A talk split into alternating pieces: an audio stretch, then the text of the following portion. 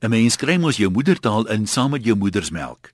Vir party mense raak dit onlosmaaklik deel van hulle identiteit en hulle glo 'n mens moenie net jou moeder eer nie, maar ook jou moedertaal.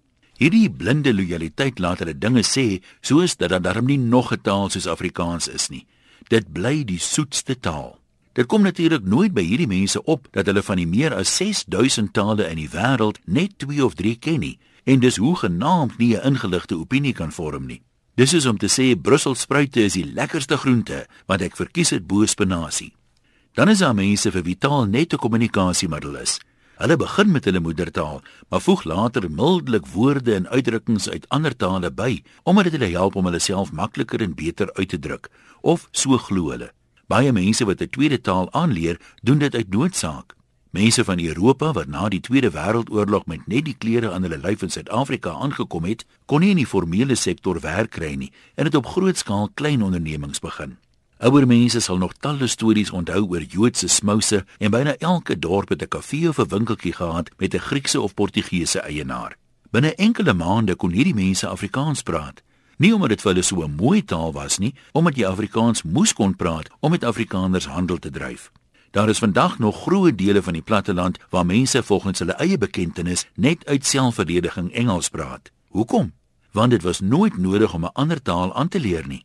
Vandag nog praat meer swart mense op die platteland Afrikaans as in die stede, omdat jy daar anders as in die stad sal sukkel om werk te kry as jy nie Afrikaans kan praat nie. Dit laat my wonder oor Afrikaanse mense wat geëmigreer het. Baie woon reeds meer as 'n dekade oor see en hulle kinders is daar gebore. Daardie kinders sal die taal van hulle nuwe land vlot moet kan praat om daar te kan skool gaan, werk en lewe. Dis interessant om te sien hoe hulle ouers die taalkwessie benader. Veral as die Afrikaanse ouer met iemand van die nuwe land getroud is en Engels byvoorbeeld hulle huistaal is. Ek weet van 'n hele paar wat die kinders Afrikaans probeer leer, hoofsaaklik om die ontwil van oupa en ouma hier in Suid-Afrika Dit sou mos nie Kersfees goed afgaan as die rooi nek kleinkinders roast turkey in plaas van kalkoen wil eet nie. Dan is daar die ouers wat bloot nie kans sien om hulle kinders 'n taal te leer wat die ander ouer nie eers kan praat nie.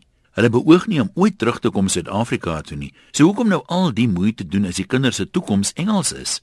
Selfs in Suid-Afrika floreer baie mense dan sonder Afrikaans. Maar dan is daar die vir wie dit nie eers 'n kwessie is nie. Die kinders moet Afrikaans saam met hulle moedersmelk inkry. Dis mos in ons gene, sê 'n jong ma wat al 14 jaar in Engeland woon onlangs vir my.